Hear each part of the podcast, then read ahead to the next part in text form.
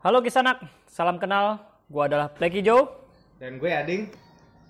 Ini adalah podcast dan Dan Petu.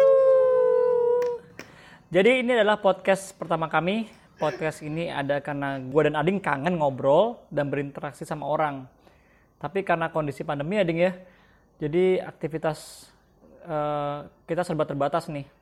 Gue dan Ading ngerasa melalui siaran podcast kayak gini nih, kita kayak ngobrol sama calon pendengar podcast nih. Ya kalau ada yang dengerin ya Ading ya. Hmm, kalau ada yang dengerin.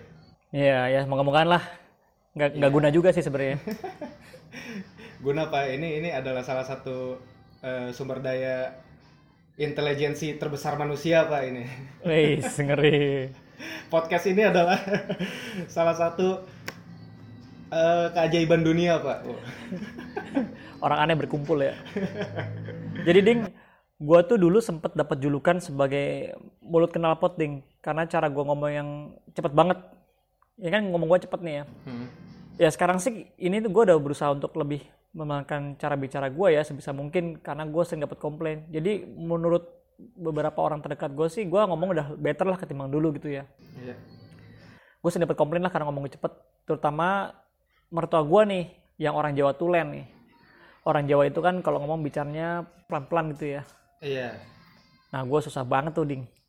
So- Alon-alon asal kelakuan. Nah, seolah-olah refleks bicara gue tuh kayak udah keset otomatis dari lahir itu loh.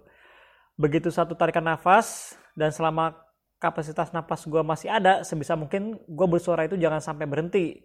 Karena kalau nggak gue kudu ambil napas lagi baru ngomong gitu. Kayak udah dari kecil begitu gitu. Makanya mau ngubahnya itu setengah mati susahnya gitu loh. Nah, Itu juga kalau ada sisa nafas itu bisa bisa itu tuh, bisa lari ke belakang gitu. Wah ini. eh bener loh, gue kadang kalau ngomong ngomong kelamaan tuh tiba-tiba pusing pala gue ding. Gue nggak tahu kenapa. Gue kayaknya perlu cek juga tuh ke dokter kayaknya. Jadi gue kalau udah kelamaan ngomong pusing gue, beneran. Ini gue nggak tahu ya. Tapi gue gini nih, gue pernah denger dari seorang motivator nih ya. Dia bilang kalau orang yang bicara cepat itu biasanya mikirnya juga cepat. Nah karena mikirnya cepat, makanya dia ngomong juga, juga cepat gitu loh ding. Katanya dia begitu gitu yang gue pernah denger ya. Hmm. Gue sih nggak tahu itu benar apa enggak. Tapi kayaknya itu nggak berlaku deh buat gue. Karena gue sering dapat masalah tuh ketika gue bicara ding. Misalnya nih, kayak tadi saat gue ngobrol sama orang yang lebih tua kayak mertua gue atau enggak siapalah orang yang lebih tua gitu ya. Gue tuh kayak udah ngomong panjang lebar gitu, terus udah merepet-merepet gitu. Terus di tengah-tengah kayak, se se se se le, sebentar sebentar sebentar, pelan-pelan, aku nggak ngerti. Nah itu kayaknya gue gondok aja gitu, Wing. Ding. Kayak gue harus ngulang lagi semuanya, aduh, gitu, gitu kan. Dia kayak, aduh, ampun deh gue ulang lagi semuanya. Nah. itu kan cara bicaranya. Iya. Cepet ya, ya kan? Kalau misalkan cari pasangan cepet nggak? Wis, saya tuh susah, Ding.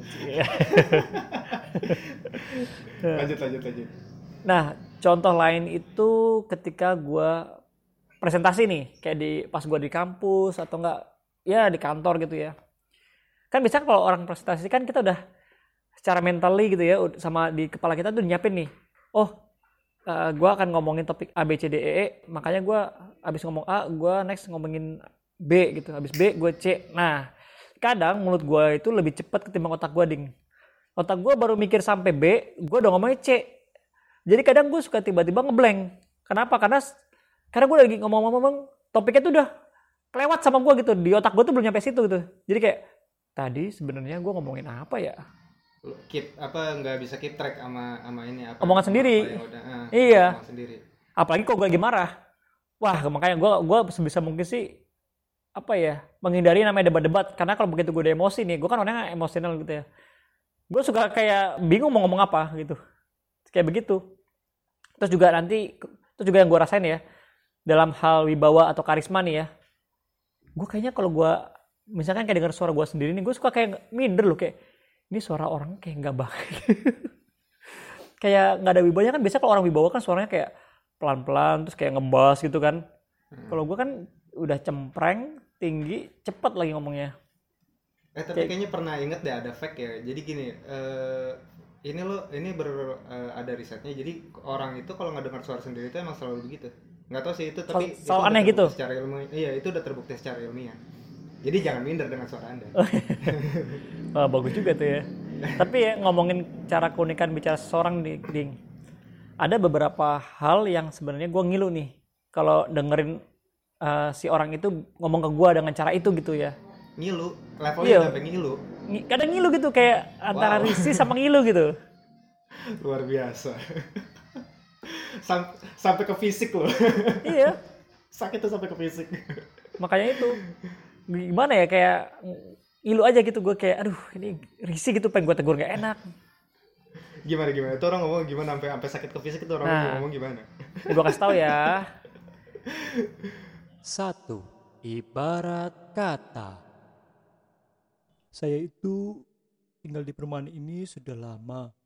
Ibarat kata, saya ini bisa dibilang kuncennya di sini. Sudah tinggal dari tahun berapa, Pak? Tahun 87 saya sudah di sini.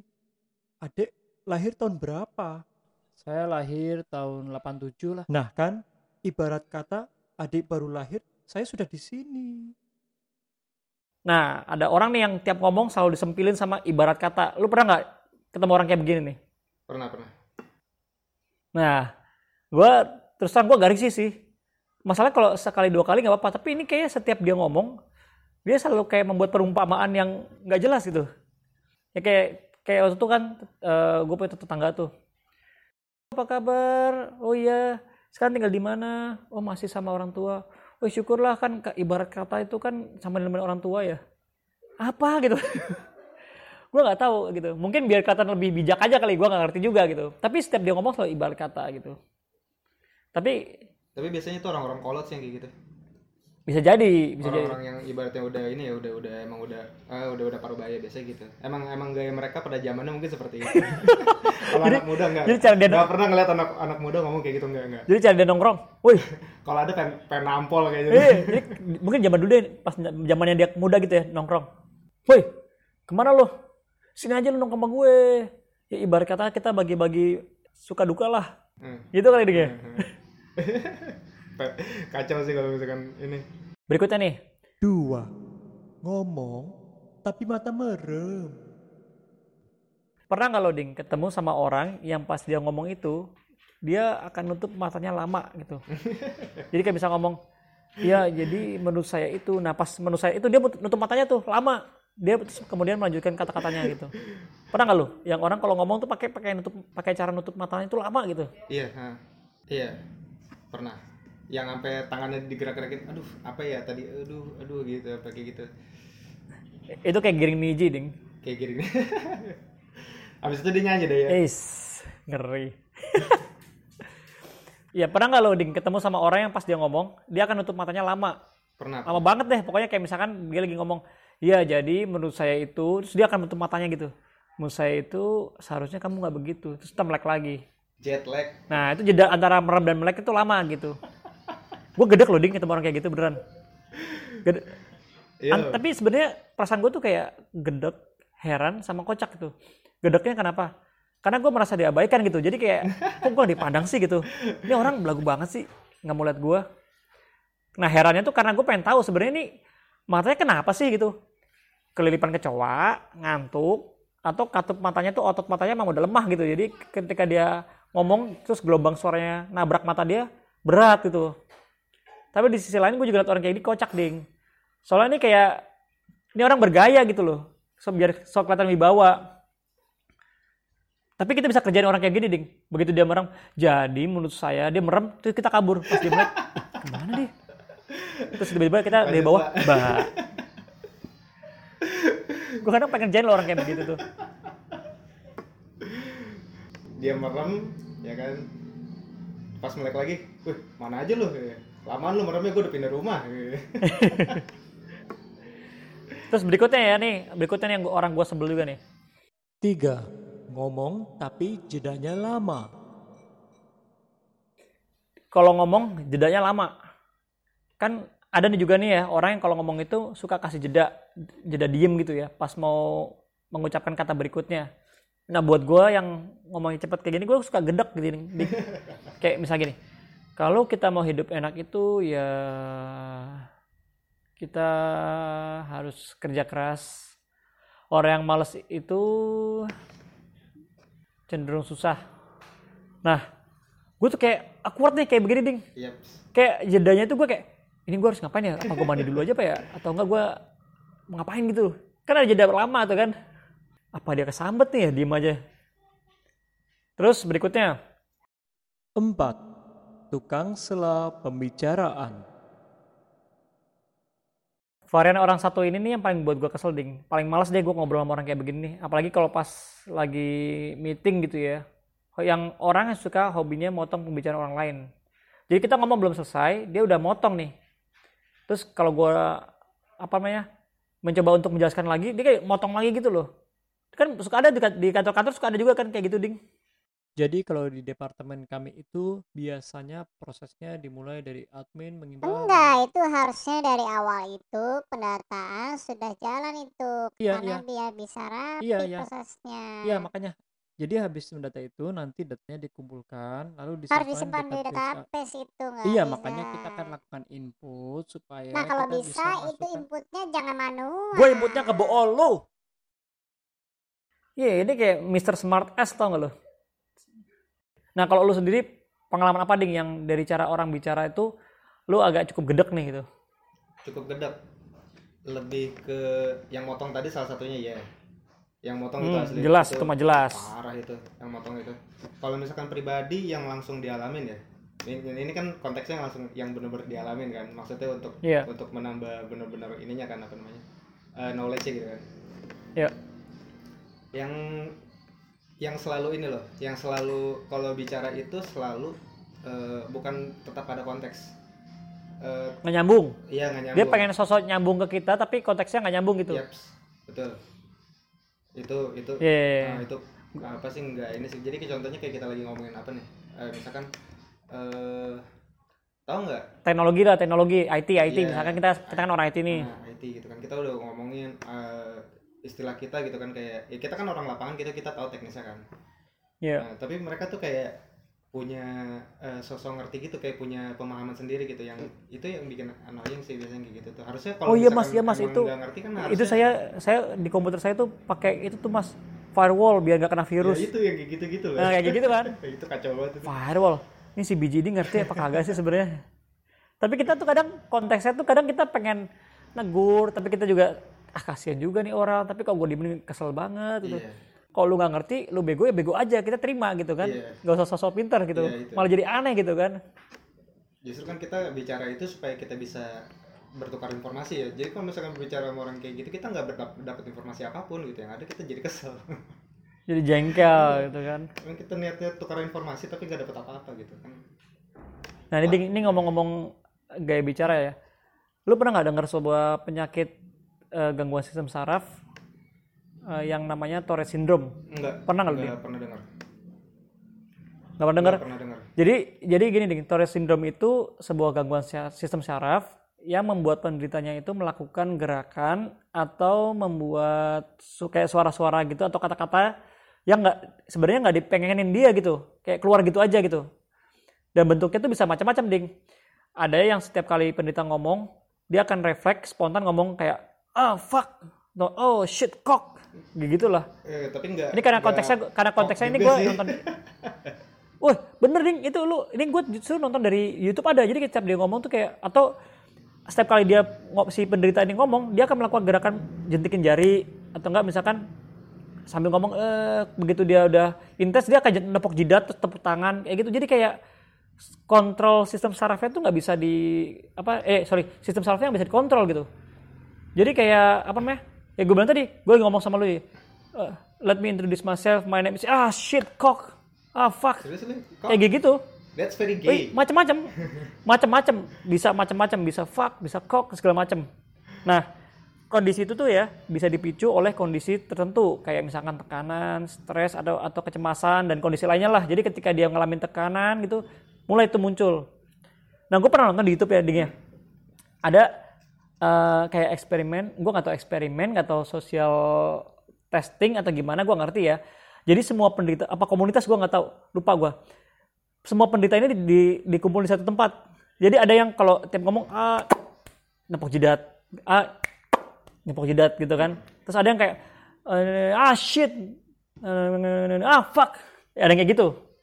Terus ada ada lagi yang kayak gini suck my ya ini bener nih ada ada gitu. Jadi so gay. ternyata ya ternyata sangat tidak sa- adalah ide buruk untuk mengumpulkan mereka mereka ini penderita dalam satu ruangan. Bukan apa apa ding. Karena ketika satu orang eh, keluar toiletnya itu kayak jadi trigger buat penderita lain. Kayak penderita lain jadi kayak kepicu lagi kepicu lagi kepicu lagi gitu loh. Lu coba ntar cari di YouTube aja deh. Ada gue pernah nonton gitu jadi Tourette syndrome ini gitu. Nah tapi gue nggak tahu ya ding ya. Kalau di Indonesia ini eh Empok Ati itu termasuk penderita Tourette kagak yang ya? lata-lata dia gitu kan lat lah dia kan latah tuh ya. Ah, latah kan termasuk membuat kata-kata yang tidak diinginkan atau keluar gitu aja kan Iya, ya? iya. eh kontol eh kontol. Misalnya kayak Iya, gitu iya. kan. Nah gue nggak tahu tuh. Itu masuk Tourette nggak ya? Gue nggak tahu ya. Karena kan eh, apa namanya? Itu kan nggak bisa dikontrol. Menurut lu gimana deh Kalau misalkan ngeliat dari definisinya sih iya sepertinya. Kan eh, Iya kan? dari definisinya seperti itu. Kalau Nah, kalau coli menurut lu termasuk toret nggak? kan itu tindakan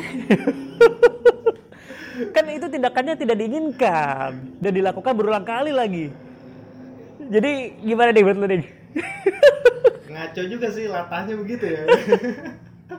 Loh, kan itu di luar kuasa. Gue pengen berhenti tapi gue tidak kuasa berhenti.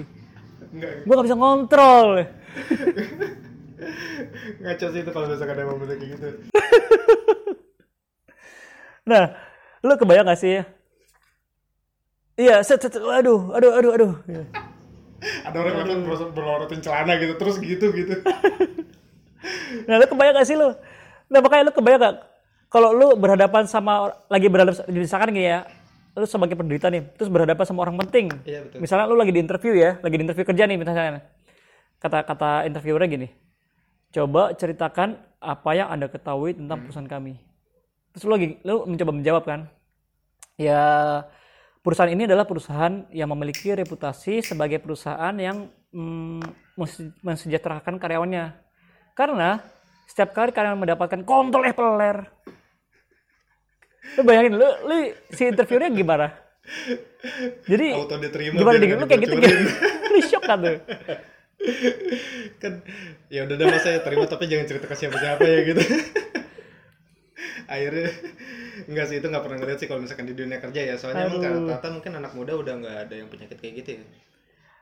Nah iya makanya kan kita di Indonesia nggak pernah ngeliat kayak begitu ya. Maksud gue kalau kalau latah pun gue juga kayaknya nggak pernah apa namanya nggak pernah ngelihat yang banyak orang begitu gitu maksud gue kayaknya kalau latah tuh udah umum lah ya juga lagi perlu di Indonesia udah umum tapi kalau di luar negeri tuh di, din ya yang kayak gue tadi yang ah shit ah kok gitu kayak udah biasa orang tuh udah kayak oh ini Tourette syndrome jadi kalau di luar negeri tuh kayak sosialisasi terhadap Tourette syndrome tuh kayaknya udah lumayan baik gitu jadi masyarakat kayak udah mulai udah bisa menerima gitu jadi kalau orang-orang menyaksikan seriusan mereka Kenapa? udah tahu gitu maksudnya secara itu kan itu kan istilahnya ilmu psikologi gitu. Jadi mereka pun aware untuk untuk ilmu, apa psikologi Iya. advance gitu.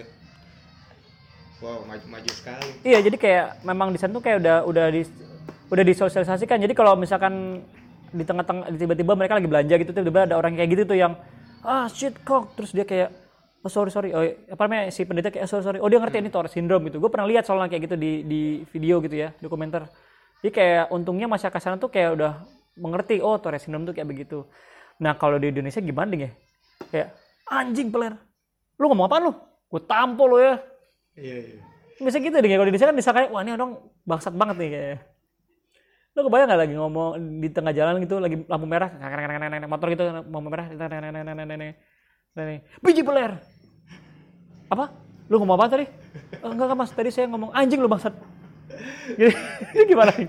Itu gay banget sih kalau misalkan latah aja biji peler sih gay kan jadi masalah kalau di negara kita kan? Sumpah. kan kita nggak tahu nggak usah Iya sih.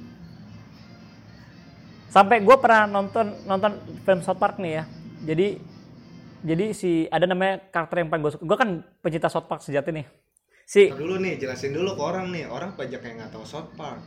Jelasin dulu. ya South Park tuh kartun bagus lah pokoknya kalian harus nonton Bagus ya, bagus banget itu ya. sebenarnya ya kartun sitcom lah kartun kartun tapi apa ya begitulah buat gue sih itu joke ya jadi gue Rekomen- senang senang aja gitu Recommended ya. Oh, recommended banget. Nah, di situ kan ada ada empat karakter anak lah ya, ada Stan, Kenny, Eric Cartman sama eh, si Kyle. Si Cartman ini yang sosoknya gendut ini bangsat nih, orangnya bangsat banget, rasis, tukang benci, oh bangsat lah paling bangsat nih. Nah, suatu saat mereka baru si empat bocah ini baru tahu bahwa ada yang namanya Tourette syndrome. Jadi anak ada anak baru masuk eh, dia lagi belanja di mall tiba-tiba ada anak ah shit cock ah shit cock gitu mulu kan Hey, dude, what's your problem? Terus orang tuanya anak simpat ini marah gitu kan. Dude, what's your problem? Disangkanya ngatain terus eh, si anak ibu anak ini datang. Oh no no no no, dia punya Tourette syndrome. What? Ya dia penyakit jadi dia nggak bisa ngontrol eh, syarafnya. Emang ada penyakit kayak gitu? Ada. Wah, si Cartman dapat inspirasi. Dia pura-pura Tourette syndrome supaya apa? Supaya dia bisa ngatain orang depan umum. Jadi si ini si bangsat itu gitu. Jadi dia dia berusaha untuk bergaya-gaya Tourette gitu. Kayak eh ba- kalau nggak salah dia masuk ke dicek dokter dulu terus dokter, dia pura-pura kayak oh you ball liquor terus di, Tourette-nya dibuat-buat yang, yang parah banget gitu yang kata-katanya tuh emang emang udah disetting parah banget gitu terus ada yang kayak eh, terus temennya ada yang pasti Cartman ngomong ke kepala sekolahnya gitu ah fuck terus ada teman satu lagi if I can say fuck to the principal I will so happy. Jadi anak-anak tuh pengen ngomong kasar di depan umum gitu. Itu itu kacau sih si kartun itu udah udah apa namanya fisik minus bacot minus gitu kan. Oh iya bangset emang kalau ngomong si Cartman bangsat. Enggak, tapi memang apa ya tapi eh, ya itulah tadi ding ya. Setiap orang kan punya keunikan masing-masing ya ding ya. Iya.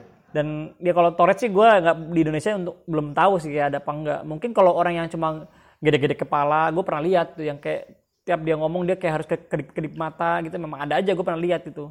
Tapi kalau untuk yang kayak konteksnya kayak tadi sejauh ini gue yang paling bombastis ya baru po ati kayaknya. Yang eh kontol kontol kayak gitu. Iya iya. Sisanya gue nggak tahu ya. nah ngomong-ngomong soal kontol nih ding. Gue ada cerita nih ding. Apa nih kok bahasanya gini nih jadinya? Iya dah ya telan aja dulu. Nih ya gue punya cerita. Ada tiga orang eh ada sebuah kolam ya kolam ajaib nih ding yang bisa mengabulkan permintaan apa pun. Ya kan? Ada tiga orang nih yang ke situ. Wih ini ada kolam ajaib. Kita kalau minta apa aja dikabulkan. Orang pertama tapi syaratnya gini lu harus lompat dan pas ketika lu lompat lu baru ngucapin permintaan. Jadi nggak bisa kayak saya mau jadi orang kaya gitu. Terus dia baru lompat jebur nggak bisa. Jadi begitu lompat langsung ngomong.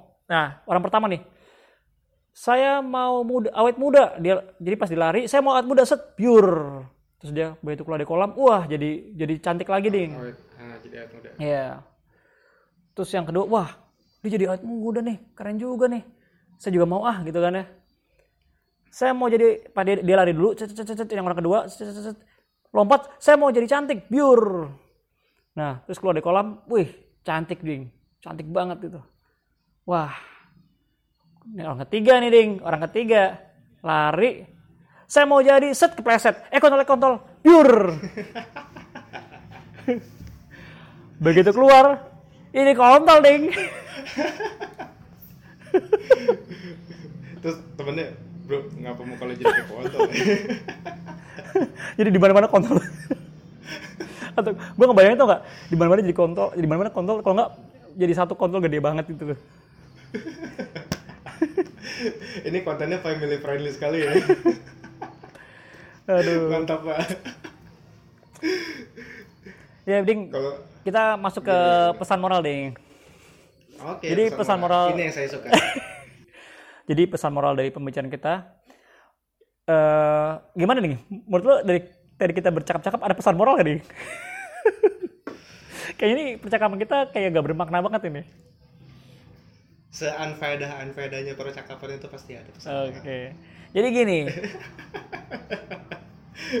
ngangkat harga diri aja dulu masalah jelek mau belakang ya jadi walaupun gimana pun juga kan ding ya, cara bicara seseorang itu keunikan masing-masing orang gitu ya. Ya mungkin reaksi lawan bicara orang tuh bisa berbeda-beda kayak gua. Gua cukup kadang gua ngerasa ngilu nih ketika gua berhadapan sama orang gua ngerasa ngilu gitu. Tapi kan itu yang membuat kita unik gitu kan ding ya, ber- berwarna lah ya. Bener nggak? Ja- jangan salah loh mungkin iya bener sih dari situ cuman kalau misalkan kita ngelihatnya dari sisi kita terus ya mungkin kal- kalau kita ngelihatnya dari sisi orang lain mungkin ya eh, orang lain pun ada yang gedek sama apa cara bicara kita gitu Oh iya bisa Jadi- jadi ya. iya bisa jadi who knows who knows Iya bisa jadi ya Link ya. bisa jadi Ih si si Pleki ini kalau ngomong merepek banget kayak knalpot misalnya kayak gitu ya. Iya Gue bahas berisik banget. mungkin berbicara terlalu cepat itu kan ada yang nggak terlalu ini kan ada yang nggak terlalu senang gitu kan Nah, Ding, lu kan keturunan Arab, Ding. Yap. Lu kenapa nggak kokolah aja sih, Ding? itu khas loh. jangan pak nanti saya dijemput sama imigrasi pak Wah, kayaknya di episode berikutnya kita perlu bahas nih. Selama lu ber- berinteraksi sama tetangga lu, sebagai lu keturunan Arab tuh pernah ngerasa hal apa aja sih gitu? Pengalaman-pengalaman apa aja? Oh, ya, boleh, next boleh, tuh boleh kita jadi konten tuh di Ding. ya asik itu banyak oh ini ini dalam hati ini banyak yang pengen dikeluarkan ini boleh, boleh. saya sebagai korban rasis ini di sini